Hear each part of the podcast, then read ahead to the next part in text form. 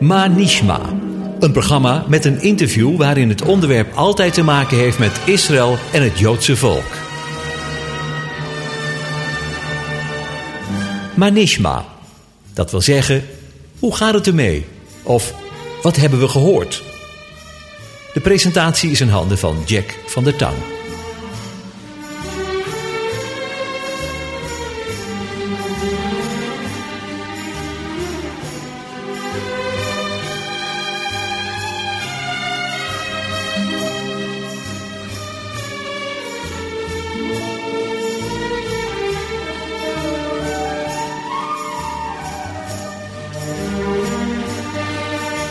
Shalom luisteraars, van harte welkom bij een nieuwe aflevering van het programma Manishma.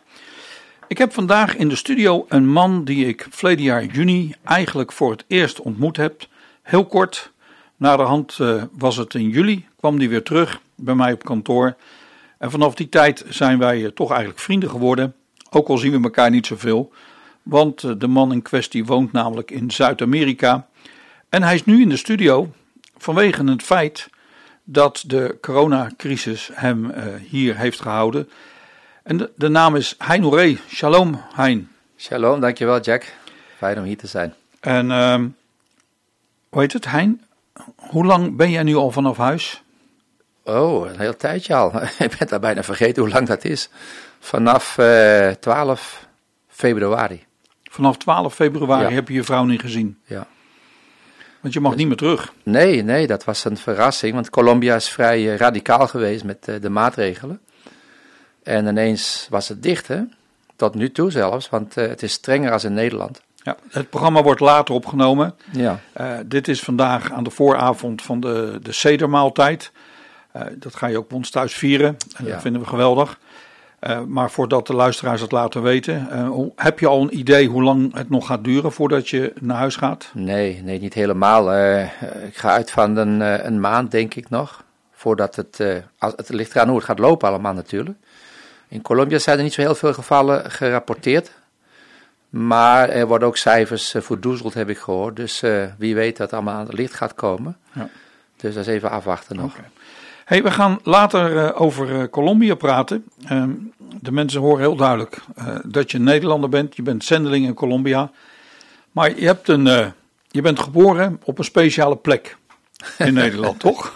ja, zo, zo, zou je het wel kunnen noemen, denk ik. Want als ik er nog wel eens langs rijd, dan... Het bestaat niet meer natuurlijk, dat plekje. Het is allemaal nu volgebouwd met huizen. Maar dan komen nog wel bepaalde ringen naar boven, ja. Vertel eens aan de luisteraars, want die hebben geen idee. Nou, ik, uh, ik heb van mijn ouders later gehoord dat ik op de grond geboren ben, want het bed uh, scheen okay. te breken of zo, ik weet niet meer. Dus ik ben op de grond geboren, min of meer, maar in een woonwagen. En dat was in die tijd uh, op het kamp in Utrecht, aan, aan de Huppeldijk. Welk jaar praten we over? 1958. 1958. Ja, ja. Toch was dat in een woonwagen en uh, echt op wielen, een ouderwetse? Ja, ja, in die tijd had je een ander soort als tegenwoordig. Hè. Als je op die kampen komt tegenwoordig, zie je bungalows staan en nog een kampeerwagen erbij waar ze mee weggaan. Maar in die tijd was het echt een, uh, een klein wagentje. Waar er destijds, dat noemden we een platenwagen, dat was van, uh, van metaal. Dus uh, aluminium plaatwerk aan de buitenkant. Dat heette een platenwagen ja. bij ons. En heel veel hout natuurlijk. En dan had je gewoon achterin had je de slaapkamer, daar sliepen we allemaal bij elkaar. En mijn vader en moeder sliepen op de vloer in de woonkamer. En we waren met z'n vijven, mijn broertjes en zusjes. Ik ben de oudste dan, van vijf. En daar sliep je allemaal uh, in een soort stapelbedden. Maar, maar was het een, een, een wagen? Een, ja, ja, maar met echt. een paard of dat wel met een nee, auto? Nee, wel, mijn vader had van die grote Chevrolets, van die oude Amerikanen had hij. Met een uh, V8 motor erin of zo. En die konden die wagens wel redelijk goed trekken. Maar het was een wagen van, ik zal maar zeggen, 6 meter, 8 meter maximaal. 6 meter was volgens mij. En dan uh, 2,50 meter breed of zo. Dus ik ben daar geboren. Nou ja, Utrecht was in die tijd, uh, nou ja, laat ik het zo zeggen. Je had in die tijd een regeling, min of meer. Dat je dus overal in, uh, in steden en dorpen een kampje had. En dan kon je daar gewoon heen als er plek was. En dan deden de meeste woonwagenmensen deden dus ambulante beroepen uitvoeren. En mijn opa die had een orgeltje, die ging hiermee langs de markt en dan deed hij, we noemen dat mansen, hè, met een, een bakje geld Bakje met vragen. geld, ja. Je ziet het nog steeds. Was dat goede business eigenlijk? Nou, hij had zijn pensioen al, eh, al wat, ja, ik, hij was al wat ouder toen ik geboren werd, mijn opa, van mijn moeders kant. En die eh, haalde wel een leuk centje op, ja, wat extra hè, bij zijn pensioen. Zijn AOW althans. Dat deed hij heel graag en dan maakte hij zelf van hout, met poppetjes en die draaiden en zo. had hij een invalide wagentje, was invalide mijn opa. Dus dan reed hij op zo'n driewieler en het orgeltje erachteraan als een soort aanhanger. En dan ging hij overal naartoe. Ja. Ja. En wat deed jouw vader dan? Nou, mijn vader deed meer eh, ja, van alles. eh, onderhoud aan tuinen, scharen en messen slijpen. eh, Het is echt wel het. Dit is toch echt wel het beeld hè, wat, wat we hebben van vroeger. ja, ja. Dat is nou niet meer zo, maar van een. en dan heb je nog verschil, denk ik, in deze tijd tussen de woonwagenmensen en de zigeuners. Ja, zigeuner, wij zien het zelf als een verzamelnaam ieder. En een, een soort Ja. groepering van reizende mensen. Maar het is niet echt een ras natuurlijk, zigeuner niet een ras. Nee, maar, Maar- ik, wat ik bedoel is, ik, ik ken ook wat mensen en die noemen zichzelf, wij zijn reizigers. Ja, Dat is wat anders dan de woonwagenjongens. ja. In ja. deze tijd, ook ik weet niet in die tijd. Maar, je hebt natuurlijk heel veel verandering gehad. Hè? De, de echte oude families, ja, waar, waar ik nog een aantal van ken. Ik spreek nog wel in kerken waar, waar woonwagenmensen komen. Ja, zijn, meestal zijn geboren in Nederland, getogen in Nederland. Eh, zijn op een gegeven moment in de geschiedenis een keer in zo'n woonwagen terechtgekomen. Door hun beroep misschien wel. Venten, ambulante beroepen en zo. En zo is er een hele groepering ontstaan in die tijd. Die eh, die, die levensstijl had. En dan heb je daarnaast nog wat wij dus de manische noemen. De romanische. Of Sinti's. En die komen weer uit andere streken. Ik heb een aantal in de familie aangetrouwde mensen. Aangetrouwde familie. Eh, die, eh, die Romanisch zijn, hebben ook een eigen taal en dergelijke. En hoe zat het bij jullie met de familie met de oorlog? Nou ja, ik eh, was kort geleden op Westerbork voor het eerst.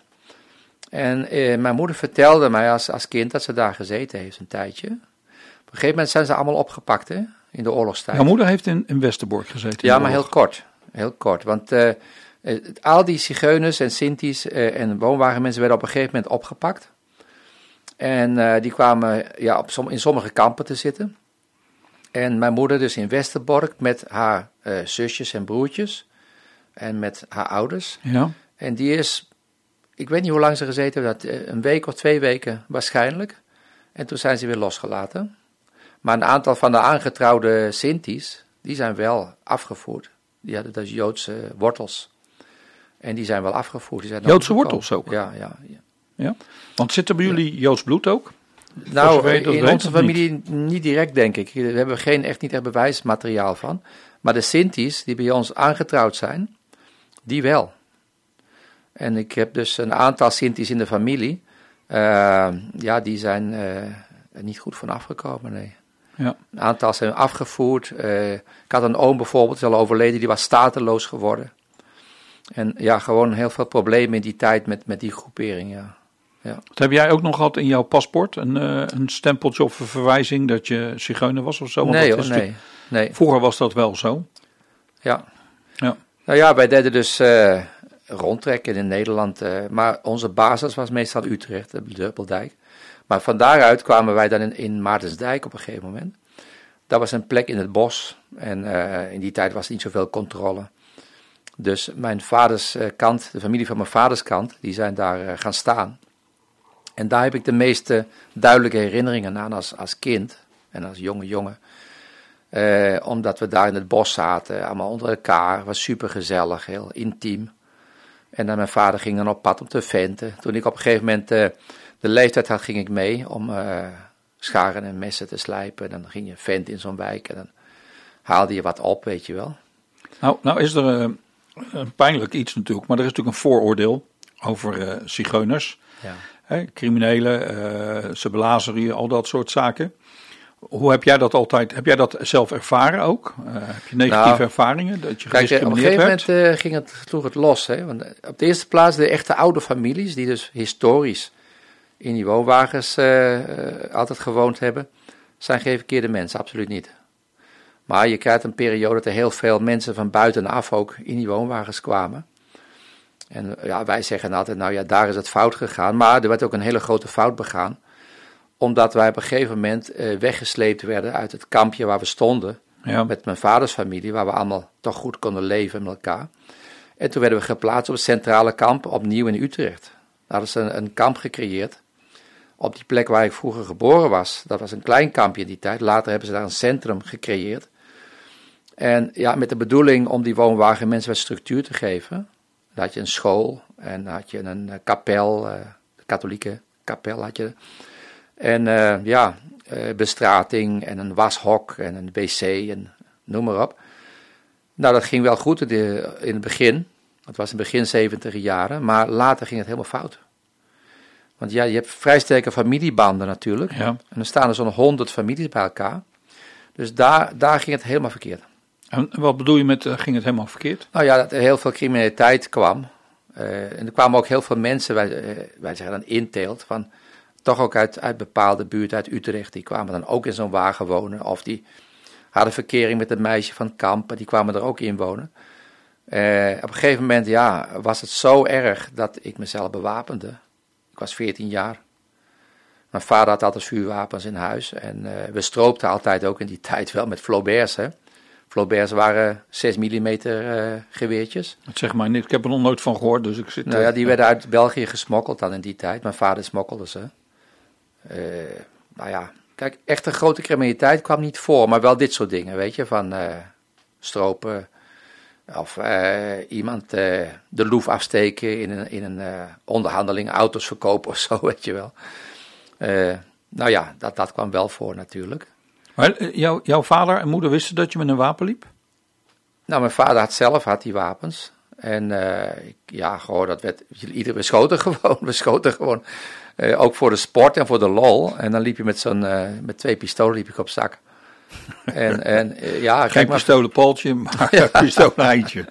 Nou ja, goed, het was een hele ruige wereld. Ik heb een keer gezien dat mijn vader bijvoorbeeld in elkaar geslagen werd. Op het kamp, door de buurman. En mijn vader was echt niet mis hoor. Die, want het was een, eigenlijk een soort verrassingsaanval die, die die man deed. Mijn vader was echt wel gevaarlijk een beetje. Ze goed met vechten en uh, ja, op een gegeven moment draaide het om. Maar ja, dan zie je dat als kind uit het raam gebeuren. Later ben ik s'avonds een keer op straat uh, in, op het kamp in het donker met knuppels geslagen. Ik wist niet waar dat vandaan kwam. Want je wordt ineens overvallen en verrast. En toen dacht ik, nou, dit gaat me geen tweede keer gebeuren. En, ik, je weet ook niet waarom dat gebeurt dan? Nee, nee dat, weet je, dat op een gegeven moment kreeg je zoveel conflict met elkaar, families tegen families. Dat je ja, misschien een soort wraakactie naar elkaar toe of zo. Of, uh, en met anderen hadden we een hele goede, een hele goede band. Weet je, maar het ging altijd wel, wel ja, we hadden altijd wel wapens. en, wat, wat, was de reden dat je vader dan in elkaar werd geslagen? Nou, een of ander conflict over uh, een ruzie met mijn zusje of zo. Die had iets gedaan met een kind van de buren hadden ze gevochten. Of, of misschien niet echt gevochten, maar een, uh, een beetje een uh, discussie gehad of zo. Nou, ik moet je zeggen, het klinkt niet erg gezellig als ik jou zo hoor op zo'n kamp. Nee, nee, dat was ook niet. Maar ja, wij konden nergens heen. We zaten gewoon vast. En we werden dus met de ME, als het ware, weggesleept uit die kampjes waar wij dan in redelijke harmonie met elkaar konden leven. En, en toen kwamen we dus met z'n allen bij elkaar en dan gaat dat ontstaan. En uh, ja, je wordt steeds agressiever en steeds meer verbitterd, zou ik willen zeggen. Ja. En op een gegeven moment ja, werd je dus ook wel bestempeld als een, een soort ghetto-achtig uh, gebeuren. En dan kwamen ook geen mensen, die kwamen bij ons het terrein op, of uh, ook de politie kwam zelfs niet meer. Weet je, en er zijn een aantal doden gevallen in die tijd. Hm. Gewoon, nou, nou kom ik zelf uit de autohandel. Ja. En ik had vaak te maken ook met kampers, zo ja. noemde ik ze. En werden vaak gewaarschuwd ook. En ik hoorde ook verhalen ook over wat er gebeurde. Dat, uh, dat iemand een auto kocht en die werd dan betaald op het kamp. En dan uh, kreeg hij de spullen en ineens was er een pistool. En dan moest hij het geld teruggeven en wegwezen. Dat soort verhalen heb ik echt ja, gehoord. Ja, op een gegeven moment ging het helemaal los. Ja. En dan krijg je zo'n idee van de buitenwereld is onze vijand. En, en wij zijn ons volk. En uh, we moeten ons verdedigen. En, uh, en pakken wat je kan pakken, zo was het de mentaliteit. Hè? En sommigen gingen daar heel ver in. Bijvoorbeeld, ja, ik heb in mijn familie helaas uh, een aantal criminelen die ja, nu een beetje uitgeblust zijn inmiddels, maar wel een periode gehad van zware criminaliteit. Ja. Weet je, dus ja. Uh, van mijn vaders kant was het wat rustiger. Van mijn moeders kant, die, die jongens, die waren wat meer, ja, wat agressiever allemaal. Ja, Maar goed, jij zit hier als een veranderd iemand. En ik Ja. heb in mijn leven, eh, toen ik tot bekering kwam, eigenlijk kreeg ik ook te maken met eh, hele fanatieke, om het zo- te zeggen, dat klinkt wat negatief, maar zo bedoel ik het niet. eh, woonwagenmensen die echt radicaal tot geloof waren gekomen. Ik moet wel zeggen dat. vertel eens hoe dat bij jou gegaan is, want je bent veranderd. Je zit hier niet voor niks. Je bent zendeling in Colombia al 30 jaar, dus je bent al op jonge leeftijd dan tot geloof gekomen. ja, ja, ik was toen 18. Eh, nou ja, bij ons was religie eh, belachelijk gewoon. Dat, zo werd dat gezien, hè. We waren katholiek en dan ging je af en toe keer naar de nachtmis of zo, of naar een of andere mis. En eh, vaak gingen we bij de pater langs om geld te vragen en een beetje te, te, bedriegen, te bedriegen. Maar Ja, toch wel? Ja, dat gebeurde wel eens. En, we hebben een eigen taaltje, een beetje Bagoens. Hè? Er zit ook veel Jiddisch in, soms heel af en toe Ja? zitten die Jiddische Ah, woorden in. Ja, maar in ieder geval, dus dan hadden we ons eigen geheime taaltje een beetje. En dan eh, werd zo'n man in de luren gelegd. Hè? Eh, dat was een beetje onze visie op religie. Maar goed, eh, op een gegeven moment kwamen we dus met de woonwagen terug in Maartensdijk. Want ik heb je net verteld over die situatie op het centrale kamp in Utrecht. Nou, op een gegeven moment was het onhoudbaar. En mijn vader is toen bezig gegaan met een advocaat. Om opnieuw terug te mogen naar Maartensdijk. Want weet je, je mocht niet zomaar ergens naartoe. Dat is beperkend natuurlijk. Het is bijna niet voor te stellen dat Ja. je dus heel beperkt wordt. Je, mag, gewoon- je moet gewoon, je wordt gedwongen om daar Je te was blijven. eigenlijk ook in quarantaine. Nou ja, min of meer wel, ja. Ja. Min of meer wel. Dus, eh, maar toen kwamen we dus weer terug na zeven jaar in Maartensdijk. En eh, waar wij kwamen te staan was een tijdelijke standplaats. En daar kwam dus iedere dag een meneer om zijn hond uit te laten. En ons werd verteld dat die man gevaarlijk was. Want die, was, eh, die had eh, een religieuze waanzin, werd er gezegd. en dat was een Joodse meneer. Ja. Ja, hij was een Jood en hij was tot begin gekomen in, in en ja, was een messiaans beleidende man die christen geworden was. eh, vanuit zijn Joodse achtergrond, dus de Messias had leren kennen. En, nou goed, eh, en ik moest niks van hem hebben, van die man. Want die liep steeds bij ons voorbij en dan keek hij zo een beetje naar binnen. Hij wilde wel praten, denk ik. Ja. Ik denk, ik moet niks van hem hebben, want religie is eh, een belachelijke situatie, een belachelijke zaak. En op een gegeven moment kwam hij dus bij ons binnen. En eh, met mijn vader praten. En, ja, Hij mocht dan- binnenkomen. Hij mocht binnen, ja. Je moet wel de schoenen uit altijd, hè, dat weet je. Ja, woonwagens moet je altijd de schoenen uit uit. Ja, ja, ja, ja, ja. dus dat kon. En op een gegeven moment kom ik binnenlopen en ik zag dat hij met mijn vader aan het bidden was. Toen dacht ik, nou, dit is helemaal te gek. Ik ga er vandoor. Dus ik heb een fiets gepakt en ben uit gaan fietsen. Want het was gewoon, in onze, in onze omgeving en dan de familie, was het gewoon belachelijk om, om te bidden of om met geloof bezig te zijn. Eh, maar goed, en, en daarnaast was ik ook evolutionist geworden, want ik dacht een beetje intellectueel te zijn op eh 17, 18-jarige leeftijd. En ik sprak veel met studenten in Utrecht en ik, en ik eh, las boeken en nou ja, dat soort dingen. En ik dacht, nou ja, ik ben evolutionist. En in die tijd eh, reisde ik al heel veel op mezelf. Want ja, mijn vader ging vo- daarvoor door een moeilijke etappe heen. Toen ik een jaar of eh, ja, 10, 12, tot die leed. Hè. Eigenlijk, hij werd op een gegeven moment alcoholist. En dat is echt verschrikkelijk. Ja.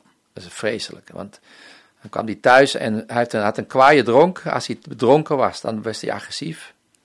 En dan had hij weer een of ander eh, probleem gehad. En dan had hij weer gevochten. En kwam hij wel eens thuis. En dan was het ook weer ruzie maken met mijn moeder. En dat was verschrikkelijk natuurlijk voor mij. En voor ons allemaal als kinderen. Dus ik, op een gegeven moment ging ik veel weg. Ik ging veel liften met een neef van mij. We speelden gitaar. We gingen in, in cafés en restaurants haalden we geld op. eh, Speel, als spelende. En we gingen ook naar het buitenland en zo. Spanje, Frankrijk, Luxemburg, eh, Engeland. Gewoon als jonge jongens rondtrekken. Want ik kon het gewoon niet vinden. Thuis. Eh, Naar school? Ging je naar school?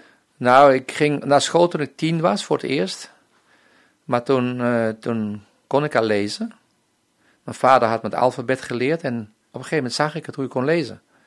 En toen kon ik, ik, kon, ineens kon ik het zien. Ik dacht van, hé, hey, er staan woorden. dus toen heb, en als je kan lezen, heb je alles. Als je kan lezen, kun je jezelf onderwijzen. Dus ik ging wel naar de kampschool, in die tijd op het centrale kamp in Utrecht. Ik was toen tien.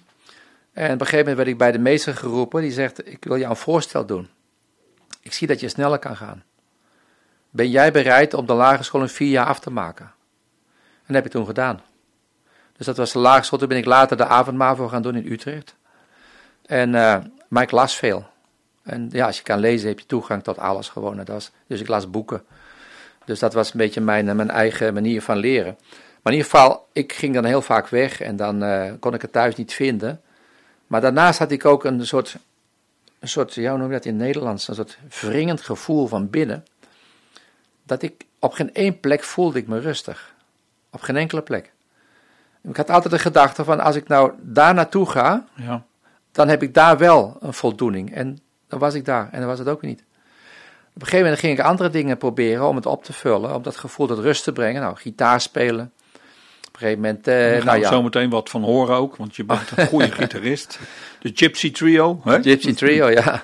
En op een gegeven moment ga je andere dingen doen, uh, muziek. Ik kwam in een band terecht, je ontmoet gekke mensen soms en dat was leuk. Ik ben een tijdje via Utrecht een contact bij die krakers in Amsterdam heb ik een tijd mee opgetrokken. Dan kon je in die grote huizen slapen en was een hele beweging, hadden ze feesten en uh, de kleine comedie hadden ze gekraakt in die tijd, het theater. En dan deden ze een krakersconcert en nou, daar deden we ook aan mee. Nou, al dat soort gekke dingen deden En dat was een periode van, zal ik maar zeggen, vanaf mijn tiende, twaalfde tot mijn, tot mijn achttiende.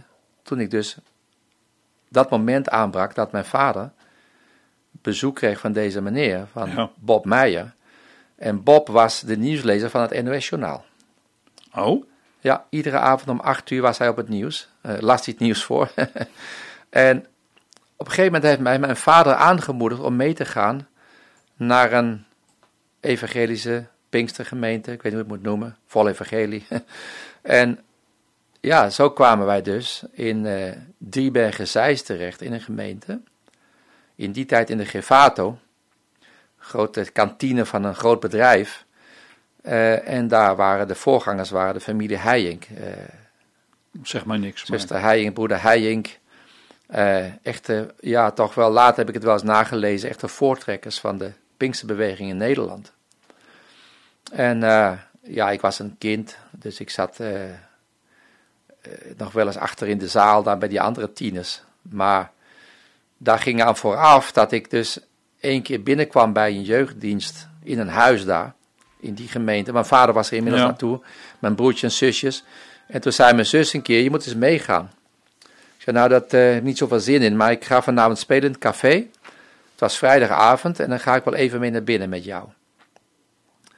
Dus het was dat was allemaal gebeurd. Hè? Die man had gebeden met mijn vader. Ze waren inmiddels aangesloten bij deze gemeente. Mijn broertje en zusjes gingen daar naartoe met mijn ouders. En dan kwamen ze thuis en dan waren ze blij. En dat, dat kon ik helemaal niet begrijpen. Want Volgens mij was een kerk alleen voor uh, hele trieste gevallen, weet je wel. En uh, dus toen kwam ik een keer. Want was, jouw was jouw vader echt tot bekering gekomen? Ja, ja duidelijk ja? wel. Ja, hij was echt wel wedergeboren. Okay. Ja. Weet je, we zijn al een aardig tijdje bezig. Laten we eerst even gaan luisteren naar muziek. Um, ik wil, uh, dat is misschien wel heel mooi, No Longer Slave. Dat we dat als nu gaan draaien. Dat is een nummer van Zack Williams. Dat is een favoriete zanger van je, zei je. En dat uh, gaat denk ik ook mooi voorafgaande aan wat je zo meteen gaat vertellen. Ja, zullen we dat doen?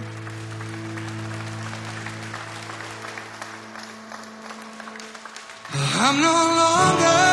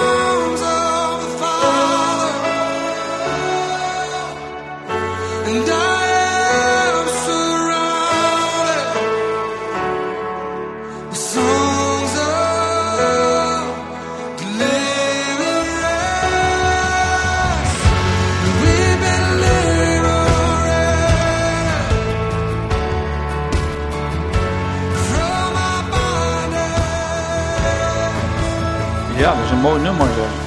Hein, ik breek hem af, want eh hij duurt twee keer zo lang zoals we nu al gehoord hebben. Een beetje te veel van het goede, denk ik. Ehm, je mag er zo meteen wat over vertellen waarom je dit zo'n mooi nummer vindt. Eh, ik wil weer teruggaan waar we waren gebleven. Want ik zat, eh, er gebeurt weinig dat ik zo zit te luisteren naar je levensverhaal. Maar ehm, ja, je kwam in de kerk terecht. Ja, En ja. eh, dat vo- vond je eigenlijk allemaal maar niks. Nee. Maar je, ging je wel vrijwillig of werd je eigenlijk... ja, eh, absoluut dat vrijwillig. wel, Ja, ja? want dat, eh, kijk, eh, Want je vond het niks en toch ging je in de vrijwilligheid. nou nee, ik vond het toen wel wat, maar daarvoor niet. Ik had helemaal niks met religie. Maar nou, op een gegeven moment, dus die man die bad met mijn vader, Bob Meijer.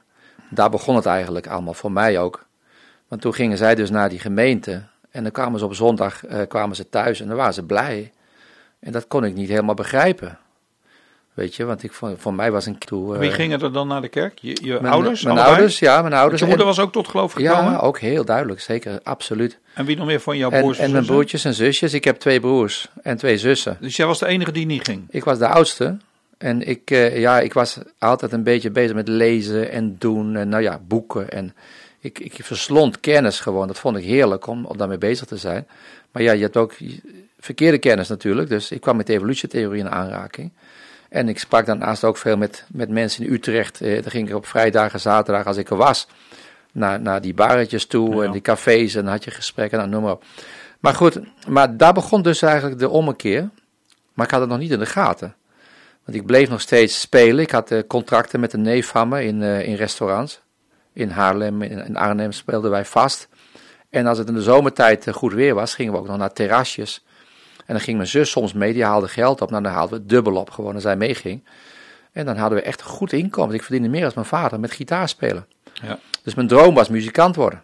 Samen met mijn neven schreven ook eigen nummers en zo. Maar goed, toen kwam dus dat, dat, eh, die situatie dat zij naar die gemeente begonnen te gaan. En toen zou ik gaan spelen op een vrijdagavond in een, eh, in een eh, café met mijn neef. En toen zei mijn zus, kom nou even mee naar binnen bij de jeugddienst. Maar ik was al nooit eerder in die kerk geweest. Ja. En ik ben heel even binnen geweest. En daar was iets in de atmosfeer. Wat me nooit losgelaten heeft. Het eh, is moeilijk uit te leggen, maar ik proefde daar iets wat ik nergens anders ooit geproefd had. Dus ik ging naar dat café, ik heb daar gespeeld tot vier uur s morgens of zo. En dan kwam ik thuis en sliep ik, tot twaalf uur sliep ik en dan was ik op de been. En eh, nou ja, toen kregen we op een gegeven moment bezoek van een, een broeder, werd hij genoemd, een broeder. Dat klonk zo vreemd in mijn oren, een broeder. en die, die zei, jongen, kom jij eens met mij mee. En hij heeft me apart genomen in een kamer en hij zei, bid me na. Maar die, dat, ik was een jongen, ik was 17, 18 bijna. Hij vroeg niet of je dat wel of niet Nee, wilde. nee, zo van, je moet nabidden. En toen heeft hij dus eh, gezegd, nou, bid me na. Jezus, ik, eh, ik heb u nodig, ik open mijn hart voor u. Wilt u mij een nieuw leven geven? Ik bekeer me van mijn zonde, ik geef mijn leven aan u. Wilt u me een nieuwe schepping maken? En ik denk, nou, zo snel ik, ik ga zo snel mogelijk nabidden, dan is hij snel weg, die man. Want ik moet niks van hem hebben. En eh, oké, dus dat heeft hij gedaan. En hij was Ik ben eigenlijk verbaasd dat je dat doet. dat je dan gewoon, dat je dat dan nabidt. Ja, als je dat Ja, eigenlijk niet wil. Het is toch onzin, dacht ik. Weet je, wat kan mij schelen? Dus, eh oké, toen zei mijn vader, je hebt hem gelukkig mens gemaakt. Die meneer, dat hij jou, met jou mogen bidden. Nou ja, goed, als hij er gelukkig van wordt, moet hij dat maar doen. dus, maar weet je, de, in die volgende periode van een aantal maanden, ik weet niet eens meer hoeveel, vier, vijf, zes maanden misschien. En dan ga- kwam ik uit die, van die avondschool in Utrecht. En dan lag daar dat boekje in mijn kamer, het Evangelie van Johannes. En ik denk, ja, pff, weet je, de Bijbel, ik moet er niks van hebben, maar ik ga toch eens kijken. En toen begon ik te lezen. En ja, het was een beetje ouderwetse taal en eh, ik- snapte niet zo heel veel van heel veel dingen, maar bepaalde dingen begonnen door te dringen. Langzaam en iedere avond las ik dat weer. En ik had, zat in een enorme strijd, Jack, op een gegeven moment van, wat gebeurt er met mij? Ik voel erg dat ik dit zo graag zou willen. Waar ze me over verteld hebben, dat leven met God. En, en ik zie Ja. nu ook. Maar ik kan het niet accepteren. Mijn verstand wil het niet hebben. En nou ja, er was dus een strijd gaande tussen mijn hart en mijn verstand. En dat had ik niet in de gaten zozeer. Maar na een aantal maanden, ik, ik denk, ik ga geloven. Ik ga het doen. Weet je wel, heel, heel technisch misschien, maar ik, eh, ik ga het doen. En ik kon me dat gebed nog herinneren van die, ene, van die broeder. Ja. dus Wat heb je toen weer gezegd? ja, ja, ik wist niet anders. Ik, ik had geen ander idee van wat bidden was. Ik wist helemaal niks. Ik wist geen eens, het was het Oud-Nieuw Testament. Ik had geen idee waarom dat was. En, eh, en nou ja, heel veel andere dingen die je dan hoorde. Weet je, het taaltje wat wij ook vaak hebben, wat ik nu dan dus ken, maar wat het kwam zo vreemd over op mij, sommige dingen. Want dan zei die meneer van, eh, ja, ik ga dan uit mijn bed en ga ik in tongen bidden. Ik denk, hoe doet hij dat, joh? Weet je wel, tongen bidden. Beweegt hij zijn tong naar bij het bidden of zo, weet je wel. ja. Geen enkel idee. En dan hadden ze het over de doop in de geest. En ze hadden het over eh, doop in water. En Ik werd, ik werd van de week gevraagd eh, over de, de. Gaat u dan echt bloed aan de deurposten smeren? Oh, werd er ja, aan mij gevraagd. En ik weet dat een vriend van mij, die kwam tot geloof in de tijd van Karel Hoekendijk. En toen, zei, Ja. toen kwam er iemand naar hem toe op de bron en die zei, bent u gewassen in het bloed van het lam? En die dacht, wat gaat hier gebeuren? Die dacht, dit letterlijk. Datzelfde heb ik ook meegemaakt. Dat, Ja. toen- dat zei iemand, ik ben gewassen in het bloed. Ik denk, wat is dit nou toch? Weet je maar dat is zo vreemd. Maar het was ook vreemd. Het was gewoon, het was echt vreemd. Ik, ik kende dat wereldje helemaal niet. En toen was ik binnen op bezoek en toen kwam er net iemand binnenlopen, een broeder. Die zei, die zei, ik ben net nog even in de ruimte geweest. Ik denk, hè? Wat dit mensen doen? Want had je vroeger dat centrum van Herman de Ja. Velle in de ruimte. Dus daar was hij geweest. maar ik wist dat helemaal niet. Ik was helemaal vreemd eh, in dat soort taalgebruik. Maar goed, eh, maar toen heb ik echt dus wel dat gebed gedaan. En toen gebeurde er wel wat. Ja, niet door het gebed op zichzelf, of de woorden, maar mijn hart was open, denk ik. Op dat moment was ik, ik was, er was echt een, eh, ja, een oprecht geloven, denk ik wel, op dat moment in mijn hart. En ik voelde van binnenuit een enorme vrede komen. Dat, dat, dat, dat draaiende gevoel, wat ik, dat knellende gevoel waar ik het net over had, wat mij toebracht om eh, te gaan reizen en Ja. alle dingen uit te proberen. En eens was het opgevuld. En ik wist, dit is echt. Dit is gewoon echt. Maar het mooie is, en dat begreep ik later natuurlijk, en op dat moment nog helemaal niet, dat er echt een verandering in je natuur kan komen. Dat is de wedergeboorte ook, en dat is ook, hè, dus als de Bijbel dat zegt, eh, eh, wie in Christus is een nieuwe schepping geworden. En in het Spaans zeggen we creación. Una- una- dat is weer wat anders, dat is een, ja, niet een schepsel, maar een schepping. Ja. En, en dus nieuw. Eh, nou, dat heb ik dan echt wel ervaren op dat moment, ja. Maar ik wist nog niet wat er allemaal aan de hand was, maar die natuur werd gewoon veranderd. En op diezelfde avond nog, terwijl ik ging slapen, wist ik gewoon dat ik bepaalde beslissingen moest nemen. Niemand heeft het tegen me verteld, ik wist het. En eh, ja, ik Dat had had te maken met je levensstijl. mijn levensstijl, ja. Ja, absoluut. Ja. Hey, ik, ik was eraan gewend, ja, goh. eh, dat was een beetje de levensstijl. En ik ging ook altijd om met jongens die ouder waren dan ik. Dus dan werd je heel gauw geïntroduceerd bepaalde dingen. Die, die op die leeftijd normaal niet zo zou doen. Maar ik, ik ging altijd om met ouderen.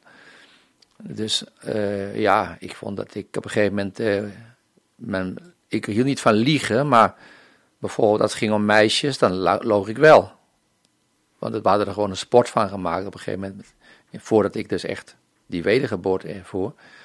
Om meisjes, eh, ja, wij zeiden het versieren en dan weer te dumpen. Dat vonden we een sport. Ja. En eh, hoe eerder, hoe leuker. En, eh, weet je, en, en dan moest je vaak liegen en bedriegen en je voorspiegelen op een andere manier. En die techniek had ik heel goed onder de knie gekregen met een kameraad van me. En dan gingen we op pad. Echt alleen daarvoor. Eh, en dan, ja, gewoon, en dat wrong van binnen. Je voelde van, het zit niet lekker. En toch leg je dat gewoon zwijgen op. Dan ging je verder. Stelen deed ik nooit. Wij waren vanuit mijn vader, waren we verschrikkelijk, eh, hij was daar verschrikkelijk duidelijk over dat we niet mochten stelen. Toen heb ik wel één keer een fiets gestolen in Utrecht. Toen kwam ik daarmee thuis, toen ben ik bijna afgemaakt door mijn vader. Dat wilde hij absoluut niet hebben, stelen. Eh, maar je had een levensstijl, ja, ook dat spelen in cafés en zo, dat bracht je natuurlijk gelegenheden, dat, dat opende deuren voor je. Om van allerlei eh, voorrechten te hebben, dat ik maar zeggen, die, die je normaal niet zo makkelijk zou hebben. En oké, nou ik wist gewoon die avond, daar moet ik mee stoppen. Maar dat hield ook in dat ik weg moest uit die muziek. En dat was een moeilijke keuze. En toen ik op een gegeven moment dat duidelijk maakte, en vooral aan een van de kameraden waar ik heel veel mee speelde en waar we ook goed geld mee verdienden, toen kreeg ik de oorlog natuurlijk. Hè. Want toen was ik fanatiek geworden en ik was eh, gehersenspoeld en ik was ook fanat, fanatiek religieus geworden. En toen kreeg ik bijna de hele familie tegen mij. En dat heeft me toe gebracht om. Ook, Behalve je ouders. En je, nou, mijn ouders niet, nee, maar die, die waren ook al een beetje buiten. Maar de familie van mijn vader wel. Die kant en ook van mijn moeder min of meer.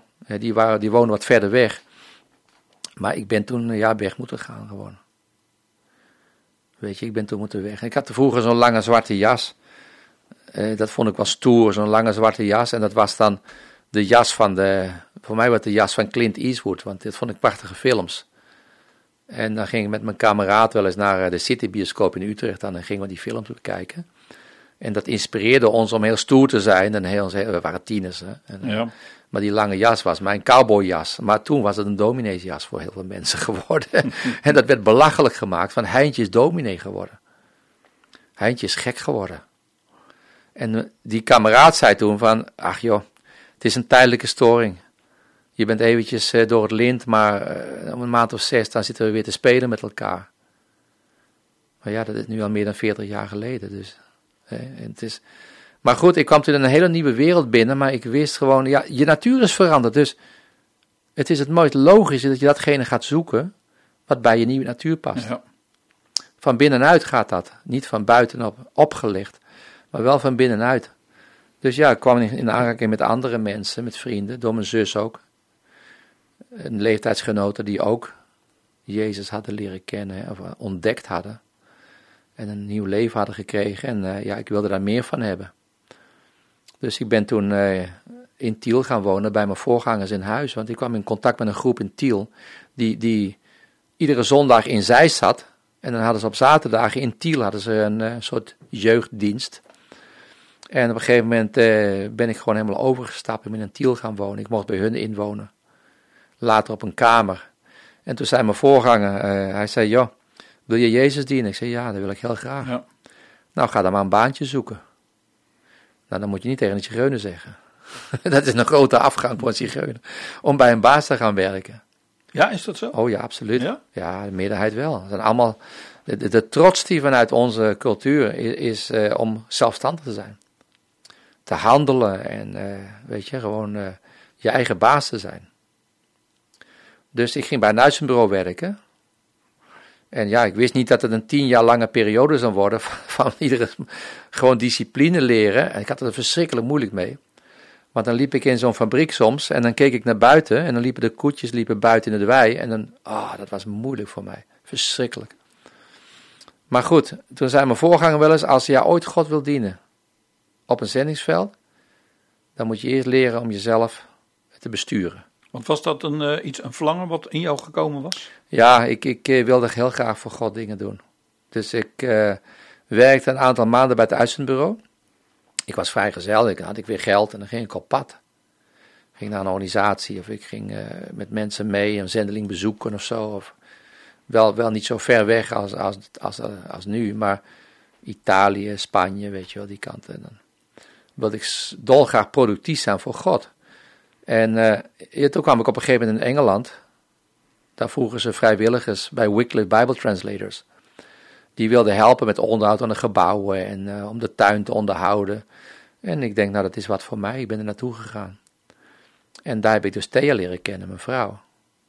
Eh, Ik kwam daar in aanraking met heel veel jonge lui eh, uit verschillende landen van, Nederland, of van, van Europa. eh, en die ook daar als eh, vrijwilligers kwamen. Ja. Ja. Als ik, als ik mag vragen naar jou, eh, met alles wat je nu gedaan hebt in die tijd, heb je ook de stem van God leren kennen in die tijd? Dat je echt hoorde echt een stem die, die sprak? Nou, zoals ik dat zelf ervaar, tot op heden dagen, is het meer het aanvoelen. de, een soort intuïtie. Ik vind het wel mooi. Ik heb dat later een beetje beter begrepen toen ik las uit een boek van, eh volgens mij was het Watchman Nee die dat aangaf. Die heeft een boek geschreven over de geestelijke mens of zo. Ik weet niet hoe het in het Nederlands heet, ik heb hem in Spaans. En dan geeft hij ook aan, hè, geest, ziel en lichaam. En dan geeft hij de functies van de geest aan. En volgens zijn model is het dus daar in de geest waar, waar je de, de, de geest intuïtief. Kijk, hij, hij, iemand zei, stel je nou voor, moet je even voorstellen dat je nu denkt aan je eigen huis. En je ziet je keuken voor je. Nou, dat zie je. Nou ja, hij zegt, heel vaak is die intuïtie ook zoiets. Je, je, je voelt waar die op duidt. Ik heb nog nooit echt een, een hoorbare stem gehoord. Ik heb mensen gesproken die het wel meegemaakt hebben. Maar ik ben wel heel, heel altijd vrij goed. Heb ik dat aan kunnen voelen door de intuïtie in mijn geest. En, maar ja, dit was dus, die, die opdracht voor de zending, was wel door een woord wat mijn voorganger voor me kreeg. In die tijd als we het avondmaal vierden, we waren allemaal jonge mensen. Op zaterdagavond hadden we dan diensten, op zondag zaten we in Zeist in de dienst. Maar dan hadden we als avondmaal en dan ontving hij wel eens een woord voor, voor ons. Gewoon Ja. bemoedigingen. En op een gegeven moment kwam hij dus bij mij. Hij zegt, hij zegt, goh, ik zie gewoon de kaart van Bolivia voor me. Terwijl ik met jou bid. En je moet dus echt aan God gaan vragen of, of daar een roeping voor jou kan liggen. En ik was meteen verkocht. Ik wist, dit is het. God gaat me roepen naar Bolivia. En dat heb ik altijd in mijn achterhoofd gehouden. En later is dat ook bevestigd op heel veel verschillende manieren. Dat iemand zei, die tijd was er zuster Heijing, moe Heijing noemden wij haar. Die was ook een heel profetische dame. En die zegt, God geeft de tijd aan wanneer je weggaat. Maak niet te veel haast, want God gaat je toebereiden. Ze wist helemaal niks van dat woord. Ik Dus heel, veel, heel veel, vaak eh, ontving ik bevestigingen. En voor mij stond het gewoon als een paal boven water. Ik ga naar Bolivia. Ja. Wanneer weet ik niet. Maar goed, eh, in al dat, dat blijft allemaal in je achterhoofd zitten. Hè? Je kent dat wel. En dan is het de tijd nog niet. Dus ik kwam wel op andere plekken. En onder andere dan in, eh, in Engeland, bij Wycliffe. Daar heb ik Thea leren kennen toen. En ik, ik kwam na drie weken een Thea maand thuis. ko- komt uit Finland. Finland. Ja. Even voor de duidelijkheid. Je schrijft eh, Thea, dat is anders dan wij dat kennen. Ja. Want hoe schrijf je het? T-E-I-J-A. Ja, want ik, Ja. ik weet nog goed dat ik haar de eerste keer haar naam zag staan. Oh ja. Dat ik dacht van, eh, wat is dat voor een naam? Maar Ja. toen je zei Thea, oh, gewoon, eh, ja. Ja. ja, als je het Finse alfabet ziet, dan, eh, als je sommige namen daar ziet, ook van, van steden. Hoeveel en zo. verschilden jullie in leeftijd toen jullie elkaar leren een half jaartje. Half jaar, Ja. dus eh, dezelfde leeftijd. Een half jaar ouder, ja. En zij was ook radicaal tot eh, bekering gekomen? Ja, dat, zij heeft een verhaal. Zij is eh Luthers opgegroeid.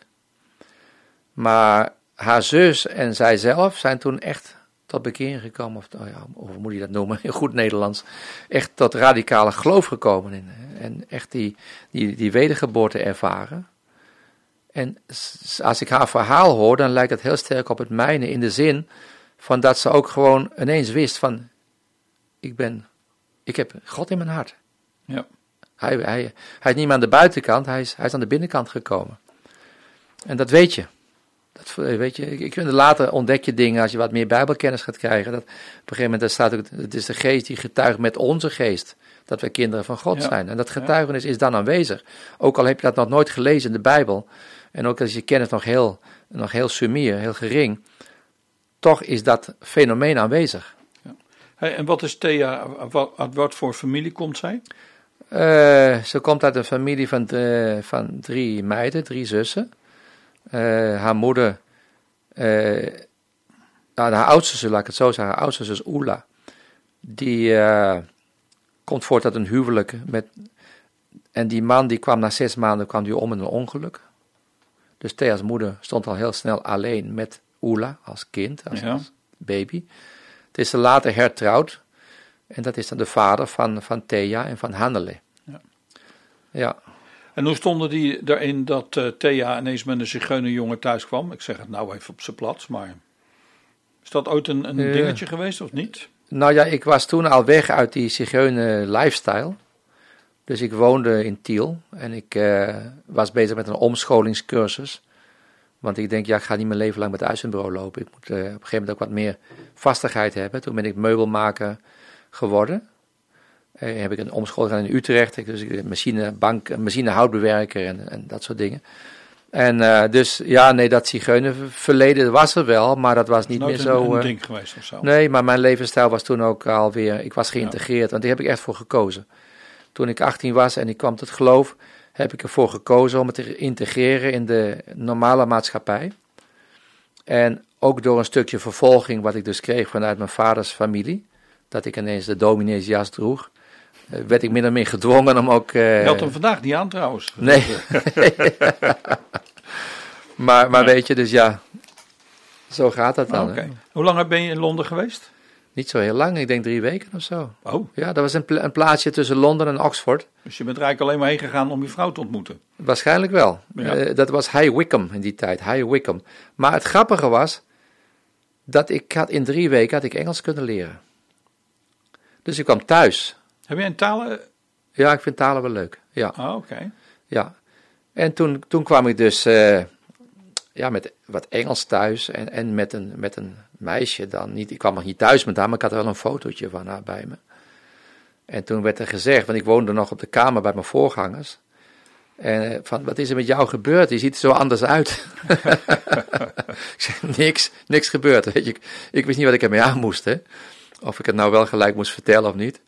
En toen was de dochter van de voorganger eh, stiekem naar mijn kamer gegaan. Die had daar die foto gevonden van, van Thea dus.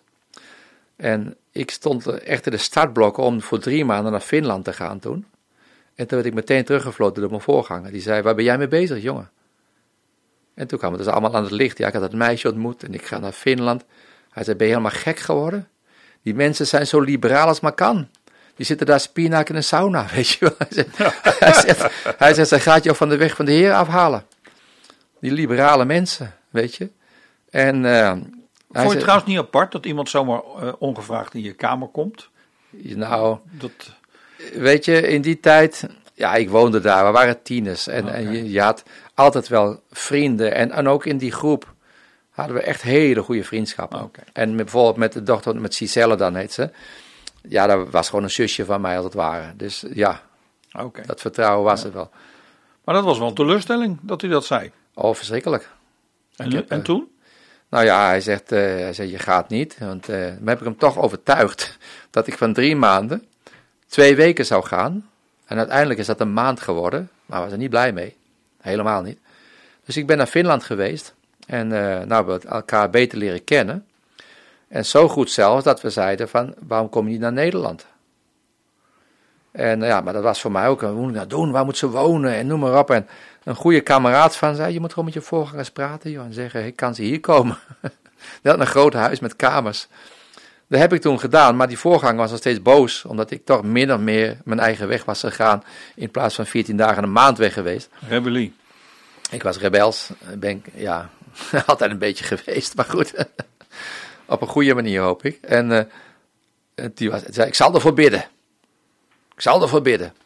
Nou, dat heeft een aantal maanden geduurd, dat gebed. En ik vroeg, "He- heeft de Heer al wat gesproken? Nee, ik heb nog niks gehoord. hij, heeft echt, hij heeft wraak genomen op mij, denk. Maar weet je, aan de andere kant is het ook goed als je leiders hebt die je kan vertrouwen. En dat had ik wel in hun, hoor. Hadden echt wel, ik kon echt vertrouwen op hun. En toen, ik denk twee maanden later of drie maanden, toen, werd, toen zei dus de, de vrouw van de voorganger, die ook een hele aanwezige rol had in, de- in de groep, de gemeente, van dat meisje waar je het over had, heb je daar nog, nog- nog contact mee? Ik zei, jazeker, ik schrijf iedere dag een brief. Nou, ze zei, Piet heeft gisteravond gezegd dat ze mag komen. Nou, dat was natuurlijk geweldig. Hè? Dus Ja. ik heb meteen met haar geschreven, want dat internet hadden we niet. En bellen was verschrikkelijk duur. Van kom naar Nederland. Dat heeft haar moeder geregeld, die werkte bij een eh, verschepingsmaatschappij. Dat zij dus op een vrachtschip kon komen eh, naar Rotterdam. En eh, daar hebben we toen opgehaald. Als een vracht werd het verzonnen. Geweldig. En nou ja, ik moet je wel zeggen dat toen zij haar eenmaal leerde kennen, wist iedereen wel, het zit goed. Want ze werd enorm populair meteen en goed ontvangen. En, dus ja, een jaar later zijn we getrouwd dan. En is al die tijd gebleven in Nederland? We zijn getrouwd en vanaf die tijd zijn we gebleven. We hebben negen jaar lang in Nederland gewoond. Nadat we trouwden. En toen zijn we naar Colombia vertrokken. Ja. Ehm, wat heb je in die tijd gedaan in Nederland? Voor de- we gaan zo meteen voor de luisteraars alvast, maar eh, het volgende programma gaan we dan eh, vertrekken we naar eh, Colombia. Oké, Dus, ja, ja. Maar wat heb je gedaan in die negen jaar dan? Nou, ik, eh, ik had dus meubelmaker, ik was meubelmaker geworden, dus ik heb werk gezocht in Culemborg. Niet zo ver bij Tiel vandaan. Eh, en dat kreeg ik heel makkelijk. Ik had op de Zelderad nog werk. Dus heb ik een aantal jaren gewerkt. En later ook in Tiel, op het industrieterrein, had je ook een bedrijf. Weer een andere branche, meer metaalbewerking. Dus dat heb ik gedaan. Dat ik, dus ik heb twee vaste banen gehad voordat we weggingen naar Colombia. En heb je, jullie hebben ook kinderen? Ja, En Zijn die in Nederland geboren of in Colombia? Nederland. Ja, nee, zijn allemaal in Nederland? Ja. Of, hoeveel kinderen hebben jullie? Twee. Twee kinderen. Ja, ja. En die wonen nu? Eh, in Nederland weer. Ja. Ja, zijn in Colombia opgegroeid en eh, uiteindelijk in Nederland weer gaan wonen. Dus want jij woont nu bij jouw zoon, dacht ik, tijdelijk. Eh, nee, een ja, nou, mijn zoon woont er ook, maar mijn zus en mijn zwager hebben een, een huis Oh, in oké. Tiel. En daar tegenover, wat vroeger dus de schuur was, dat is een oud boerderijtje, hebben ze een aantal appartementen gebouwd. Hey, misschien is het wel even leuk eh, om aan de luisteraars wat te laten horen van een stukje muziek. Want jij eh, je hebt ook heel veel gespeeld. Ehm, ik weet van vroeger heb ik wel eens LP's gehad van eh, de, de Zigeuner trio's, de Gypsy trio's. En Ja, dat was ja. echt, ik weet niet of, of dat was niet volgens mij in Heinooré, zeg maar. Ik vond het altijd wel heel erg mooi. Dat kan jij ook goed, dat te pingelen. We gaan misschien dat later voor een programma doen, dat je live wat gaat spelen. Maar ik denk dat het even leuk om een stukje te laten luisteren.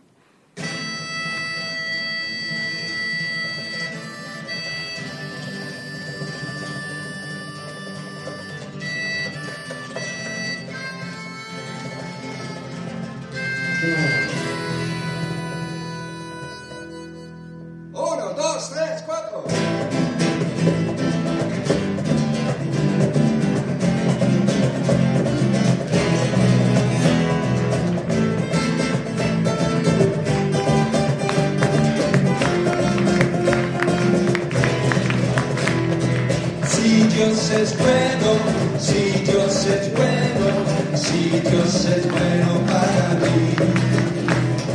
Si Dios es bueno, si Dios es bueno, si Dios es bueno para mí. Si Dios es bueno. Even een vraagje tussendoor, terwijl de muziek hoort. Eh, zing jij ook?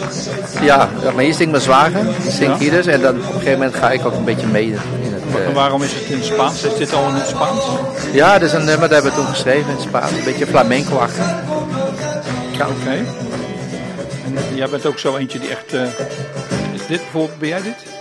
Ja, Ja? ja. Oké.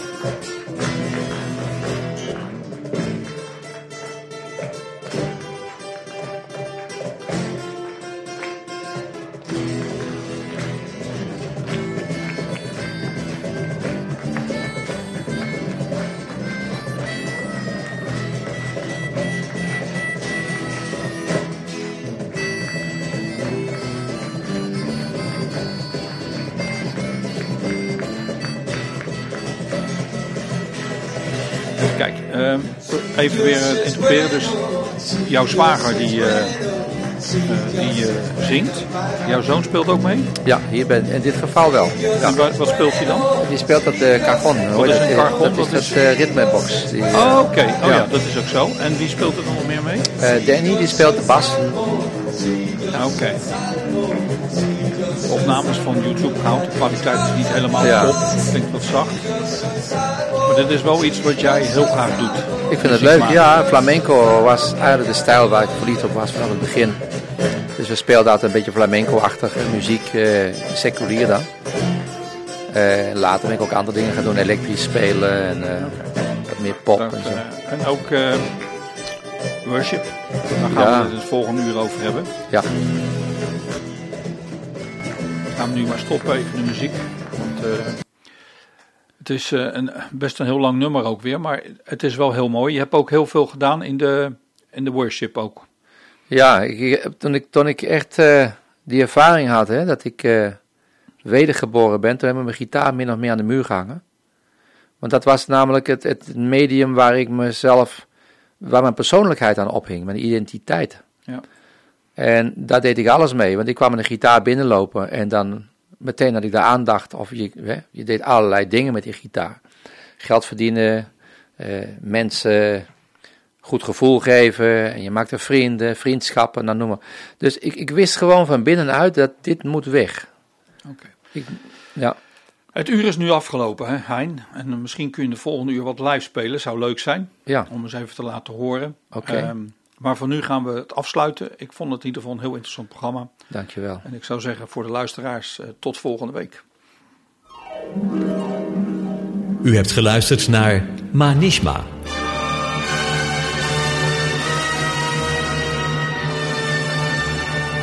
Een programma met een interview waarin het onderwerp altijd te maken heeft met Israël en het Joodse volk.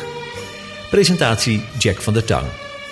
Wilt u het programma nog eens naluisteren? Dan kan dat. Ga naar radioisrael.nl en klik onder het kopje radio op Uitzending gemist.